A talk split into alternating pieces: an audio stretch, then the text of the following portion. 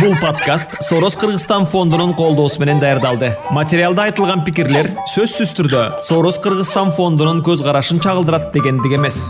Бала чака подкасты саламатсыздарбы урматтуу угармандар. Бүгүнкү биздин темабыз баланы үй иштерине аралаштырыш керекпи же жөн эле коюш керекпи? Менин атым наргиза кожобекова жолдошум экөөбүздүн төрт балабыз бар. Улуу балабыздын аты баяэл он эки жашта. Санжар э, сегизде нуртай төрттө умай үчтө. Саламатсыңарбы менин атым замир казакбаев. Эки баланын атасымын. Кызым сымбат он төрттө уулум тагай тогузда канчанчы класста окуйберин айтып жанагы э, класс даже класстарын да эстебей элем мындай менин атым улан менин келинчегим анан үч кызым бар. Антпесе унутуп калдым уже кайра кайра кайталап атыппы ооба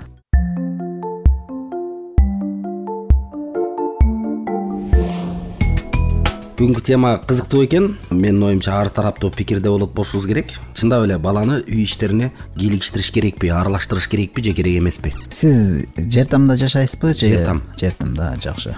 Биз дагы жер тамда жашайбыз. Э, менин оюм боюнча биздин балдарыбызга анча деле не повезло э жер тамда жашаганы үчүнбү? Ооба. Менимче шаарда жашаган балдардын өтө деле көп жумушу жок болсо керек. Алар аткара турган анан аябай көп эмгек күч э, мээнет коротуп жасай турган жумушу деле жок болсо керек. Балдарды үй ишине аралаштырыш керекпи керек эмеспи дегенде мунун кандай айырмасы бар айыл менен шаардын? Эми үй жок үйдүн ичиндеги ишпи же сырттагы ошо мына көрдүңүзбү эки тараптуу нерсе да бул менин оюм боюнча бул ички маселе үй бүлөдөгү маселе же болбосо физикалык жактан аткара турган иштер э? Экөөнү тең карашыбыз керек да туурабы? Ооба. Же биз иштери дегенди бул физикалык күч менен аткара турган иштерби э? Ооба ооба ошол иш жөнүндө сөз болот. Ошол иш жөнүндөбү мындай жүрү тур көтөр могуну тияка алып бар кайра алып кел деппи. Же үй иштери болгондо бул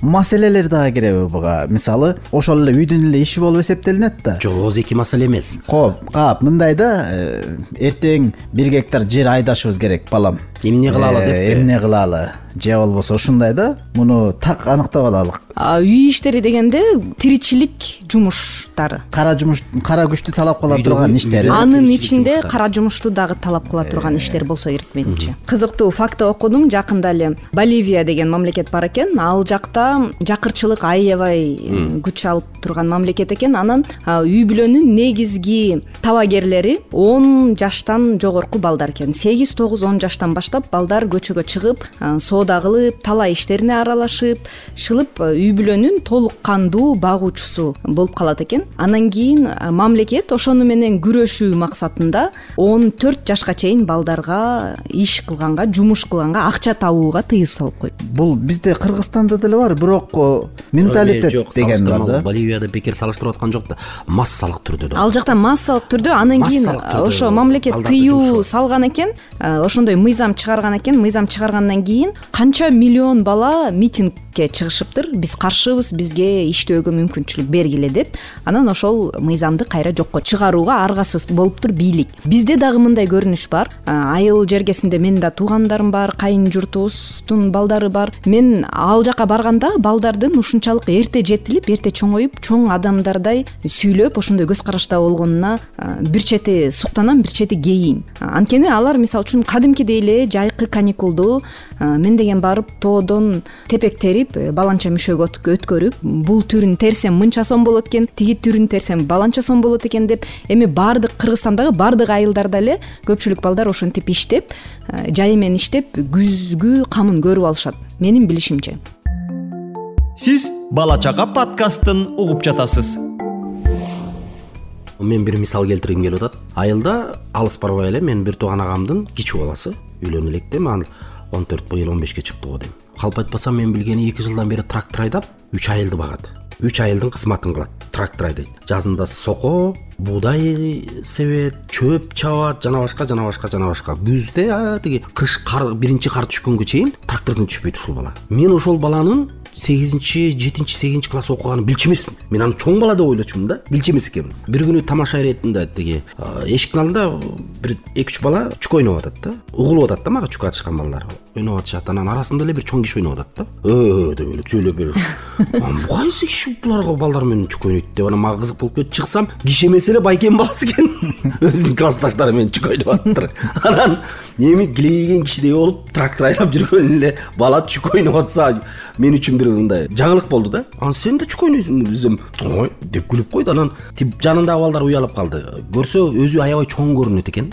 Же ошентип чындап эле ишке эрте аралашкан бала ушинтип чоңоюп кетеби тез. Ушул нерсени байкадым да. Ошол эле учурда берки классташтарымды байкасам эми кошунанын баласы бирөө дагы бирөө аларды улан айткандай алар жанагындай суу ташыган балдар. Алар деле сүт алып келгенге жарайт дүкөнгө барып э, же болбосо огороддо жана бак сүт сактардын түптөрүн жумшатканга майда чүйдө үйдөгү тиричиликке жардам берген. А болбосо трактор айдап алып жетинчи сегизинчи класс бала бир эмес бир нече айылды кыдырып жанагынтип жер айдоо иштери менен аралашып жүргөн бала кандай дейсиңер? Бул эртелик кылбайбы мындай нерсе? Эгерде чындап эле закондоштор келе турган болсо албетте туура эмес да. Ал баланын э, трактор айдаганга эч ким уруксаат кагаз берген эмес. Жок эчтекеси жок да. ким э, кайсыл бир э, анын бетин ары кылсын бир кырсыктап кетет кырсыктарга туш болуп кала турган болсо ага ким жооп берет да? Вот бул жактарынан караганда мен туура эмес деп ойлойм да.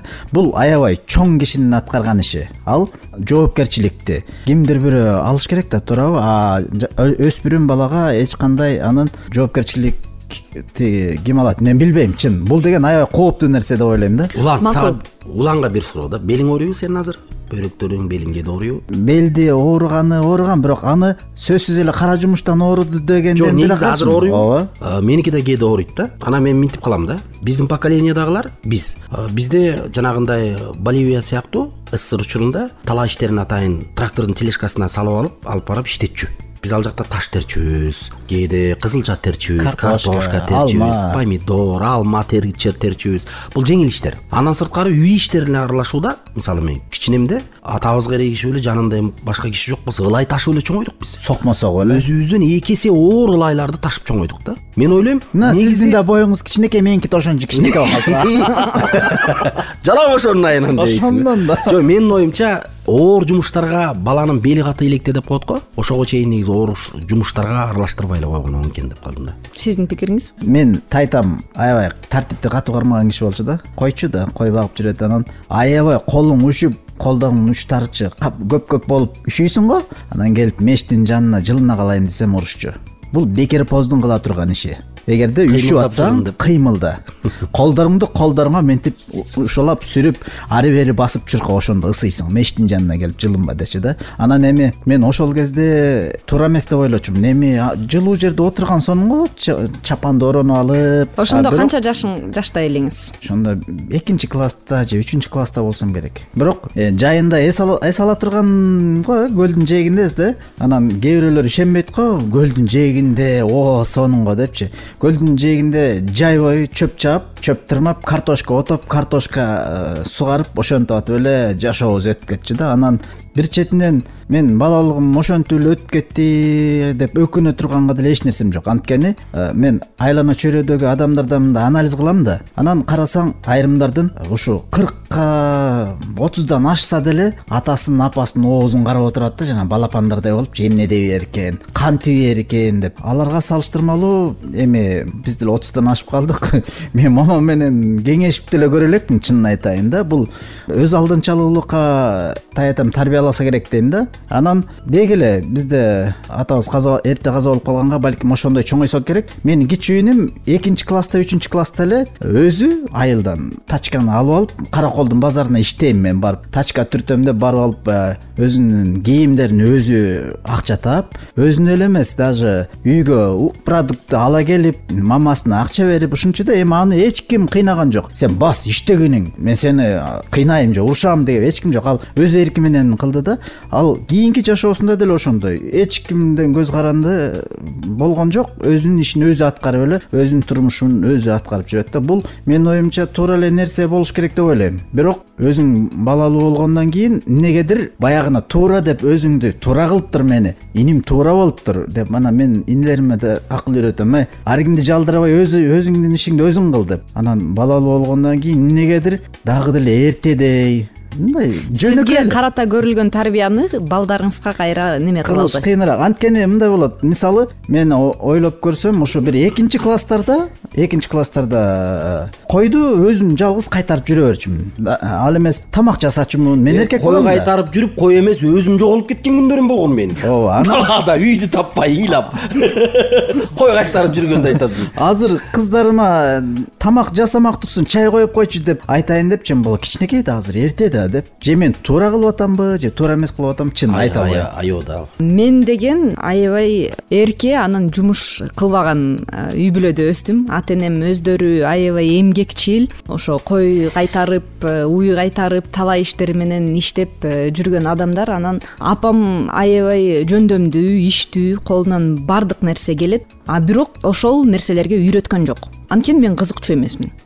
Кызыкчу эмесмин өзүм менен өзүм жүрүп эле сабак менен күнүмдүк жашоо менен эми мындай майда чүйдө иштерди жасасам керек бирок монтип баш отум менен кирип э, кыйнап жаса деген эч качан болгон жок. Анан мен айтайын дегеним турмушка чыккандан кийин ошол бала кезимде үйрөнбөй калган нерселерди апаман чалып сурап кыска мөөнөттө эле тез эле үйрөнүп кеттим өздөштүрүп кеттим. Тамакты деле мыкты жасаганды үйрөндүм үйүмдү деле таза кармаганды үйрөндүм деп мактанып коеюнчу. Эл эмне дейт элдин пикирлери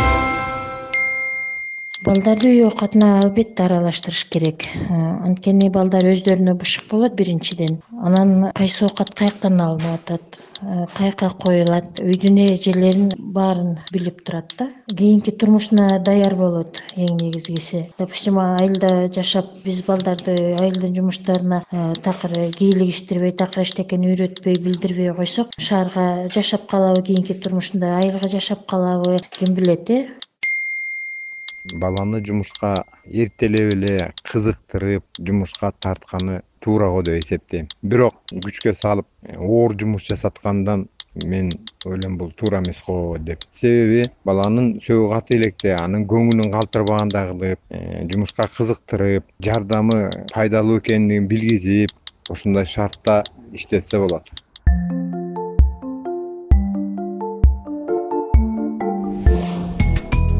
үйдө азыр баарыбыз жумуштабыз мисалы сен деле жумуштасың тынчтык да жумушта уландык экөө жумушу бир чогуу келет чогуу кетет. Үйдө көзгө көрүнүп көрүнбөгөн мисалы кээде эркек үчүн айрыкча э билинип билинбеген майда чүйдө жумуш аябай көп экен. Мен муну жакын арада дагы күбө болдум Карантин. карантин учурунда.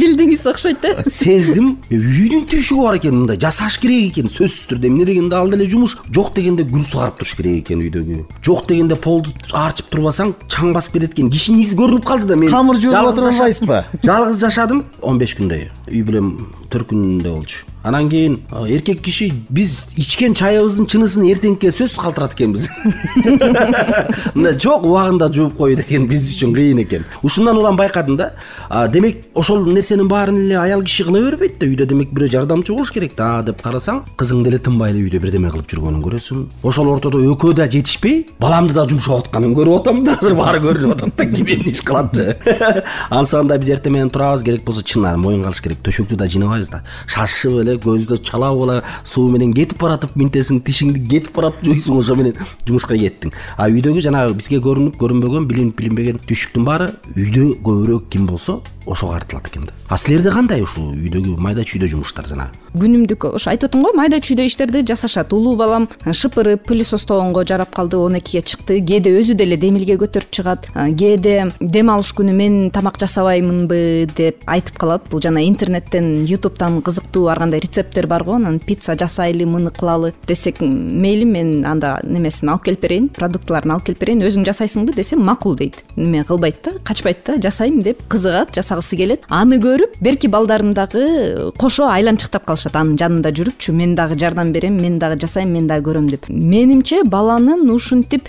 өзү демилге көтөрүп өзү жасайт болчумун деген нерсеси аябай жакшы окшойт да. Мен кээде ыраазымын менин апам мени аябай катуу кармачу да мектеп окуучусу болуп кичине баягы эми сегиз тогузунчу класс окуп калганда уялып калабыз го бир нерселерде. Мисалы жүр ойнойсуңбу деп ышкырып келип калганда үйдө тиги кир жууп атканыңды көрбөсүн деп э жашынып жууп ушинтип эле чоңойдук да балдар.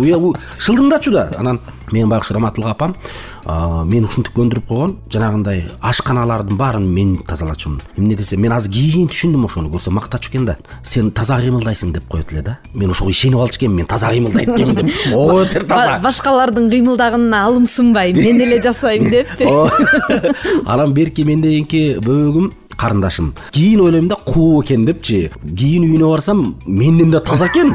Ал көрсө ага тийгенде ал атайынчалык кыймылдачу окшойт да.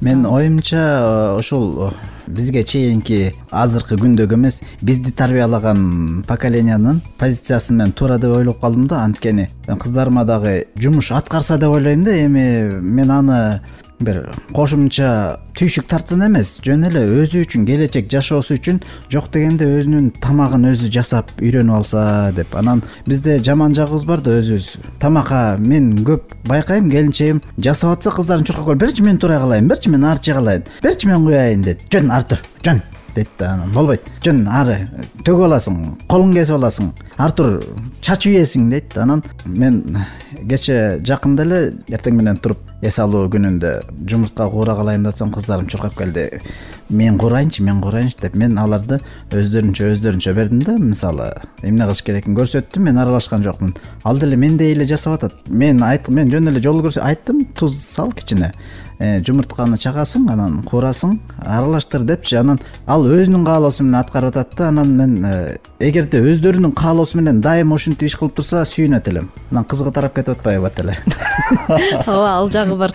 Бирок балдардын негизи ата дагы бир чоң катачылыгы мен муну өзүмөн дагы билем сиз айтып атпайсызбы келинчегиңиз кел мен эле кыла калайынчы деп бул деген бала бир нерсе жасай турган болсо анын артыгын чыгарып салат анын артынан кайра жыйнап кайра бир нерсе жасаш керек андан да көбүрөөк жумуш пайда болот деп өзгөчө энелер биз ошону каалабайт экенбиз да. Азыр мисалы үчүн бала тамак жасай турган болсо жумуртка куура турган болсо ошол жумуртканы тиги сковородканын ичине жеткирбей эле бер жактан эле чегип алат. туура ошентип полго төгүлөт аны кайра жыйнаш керек тазалаш керек. Биз ошол нерседен коркот экенбиз. Анан мен өзүмдү мен дагы мүмкүн болушунча контролго алганга аракет кылам да. Анткени бала тажрыйба алмайын ошону өзү бир нече жолу жасап бир нече жолу адашып туура эмес кылып алмайын. Үйрөнбөйт окшойт дагы. Анан бат эле кызыгы тарап кетет. Алып кел алып кел деп эле улам колунан жула берсең жасабай коет окшойт да.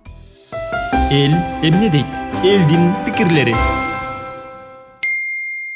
Балдарды кичинекейинен үй турмушуна аралаштырыш керек. Анткени дегенде кийин өз турмушунда ошол нерсени сөзсүз түрдө колдонот. Мисалы үчүн кызың кийин турмуш курганда бара турган жеринде тың болсо ал сөзсүз түрдө энесине жакшы сөз айтылат да. А эркек балаң кандай жумушту билсе дагы кийин турмушунда ошону колдонот өзүнүн да балдарына үйрөтөт келечектеги жашоосу дагы жакшы болот. Мисалы үчүн бизди ата энебиз кичинекейибизден кандай тарбиялап үй жумуштарына аралаштырса биз ошону колдонуп жашап атпайбызбы азырчы эми баланы үйрөтүш керек го дейм ооба үй иштерине киргизип. Чоңдордун жумушу эмес өздөрүнө ылайык мындай. Өздөрү келечегине билип көрүп үйрөнгүдөй кылып кыз киши болсо эне тарбиялап ошо эненин жумушун көргөзүп дегендей уул бала болсо атанын э, жумуштарын көргөзүп келечегинде баягы билип алгыдай болупчу чересчур эле мындай балага жүктөп сен жаса анан э, баарын бүтүрдүңбү кыйраттыңбы деп баланы дагы урушуп ийген болбойт. А бирок үй иштерине аралаштырып үйрөткөнүбүз биздин ата эненин милдети болуш керек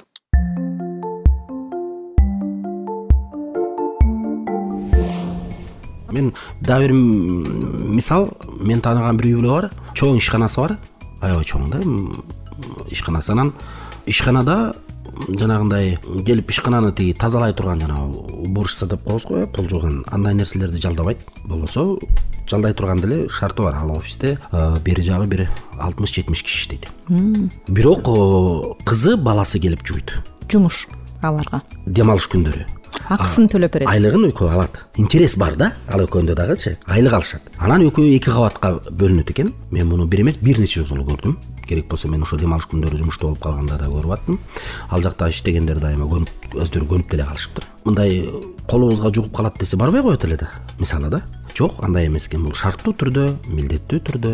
Эгерде силердин мен берип аткан акчадан ашыгыраак тыйын керек болсо иштегиле болбосо. Мен башка киши жалдайын деп эле сүйлөшүптүр. Ал экөө деле чоң чоң эмес. Бирөө экөө тең эле мектепти кызы жаңы бүтүп атат баласы мен билгенден сегизинчи тогузунчу класс окуйт. Экөө барып алып эми чоң офистин ичин дем алыш күнү эртең менен эрте жумушка баргандай барышат экен кечинде шалдырап чыгышат экен. Жууйт баарын жөн эле чики чики кылып. Анан дагы бир жакшы нерсеси дүйшөмбү күнү жумушта атасы эртең менен келип экөөнүн ишин дайыма текшерет экен эмне чала калды деп мен жакында дагы ушул эле сыяктуу бир окуяны угуп калдым эне айтып берип атат да. Ал э, цехи бар экен тигүүчү цехи бар экен. Иштеп э, неме кылышат экен. Анан кийин ал дагы уулу менен кызына ошентип айтыптыр мага жардам бергиле жана топчу тигиппи упаковка кылыппы ушундай майда мындай өтө көп э, немени талап кылбаган ишти жасап бергиле. Акысын төлөп берем. Канча иштесеңер ал жакта ар бир буюмуна төлөнөт го менин билишимче тигүүчү цехтерде ошентип айтса баласы менен кызы макул болуп бир топ убакыттан бери иштеп жүрүшөт дейт. Бирок эми ошол эле мен демилге көтөрүп балдарымды кызыктырдым алар иштеп аткарып атышат. Бирок ошонун терс жагы дагы бар экен азыр балдарым мени менен соодалашат дейт. Бирдемкени жасап кой десең канча төлөйсүң? Төлөнөбү буга же төлөнбөйбү деп. Анан кайра өзүмө катуу тиет дейт да ошол сөзүчү өзүм көндүрүп өзүм үйрөтүп алдым. Бирок эми туура кылып атамбы же туура эмес кылып атамбы ар сары болуп жүрөм жок жок менин оюмча эң туура эмнеге дегенде ошол балдары тың болот жашоодо да ошентип эсептешкенди билет бизге окшоп былжырабайчы. Биз бекер иштеп көнүп калганбыз да. Уялып. Мактап койсо эле э? Э мына отурбай маңдайды жылаң ачып калат мактап койсо эле. Мактап мактап койгондон муну мурун мактап койсо ктрде жашай деле берет. Муну жакшы мактабай атышат окшойт жок бизде дагы бир комплекс бар экен. Негизи могу э, советтер союзунан кийинки элдерде. Биз өзүбүздүн эмгегибиз үчүн тиешелүү бааны сурай сурай албайбыз алып мына көрдүңбү? Сурай албайбыз тартынабыз. Айлык качан деп айткандан ай мындай нерсе бар да бизде наргиза. Мындай нерсе бар да. Бир иш кылып беребиз да. Э? А эгерде ошол ишти эле улан башка бирөө кылса төлөмөк. Бирок бизге келип жасатып атканда э жөн эле кой жөн эле кой деген бир жаман бир анан кеткенден аяктан бир алсам болмок анан кетип алып анан оозум жаман оозум жаман жана майың өчөт го бир жерде майың тыйын калба алып албай оозуң жаман эмкисинде берсе алам э деп коесуң жок эмкисинде деле ошол. Келет жок деп жөн эле ой үйдө акча толтура деп айтып ийейин дейсиң го. Ал жерденчи. Э ушинтип тарбиялаган да бизди. Мактап коюп эле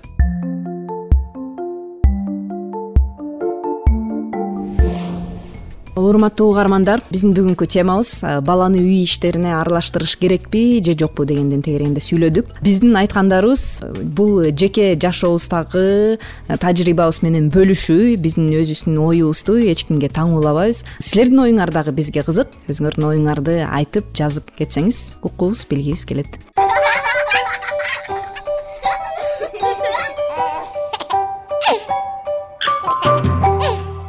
урматтуу угармандар бала чака подкасттын бир нече платформалардан уга аласыңар. Ал платформалар pocket casts брикер радио паблик castbox google подкаст жана apple подкаст бул тиркемелерди play market аркылуу жүктөп алсаңар болот подкастты ачып э, укканда сөзсүз э, жазылып э, жылдызчаларды басып койсоңуз биз аябай сүйүнүп калабыз. Андан тышкары бала чака подкасттын билесиңби kg youtube каналынан дагы уксаңар болот. Ал жакка дагы лайк басып комментарийлериңерди калтыргыла кийинки темага сунуштарыңыз болсо сөзсүз жазып койгула.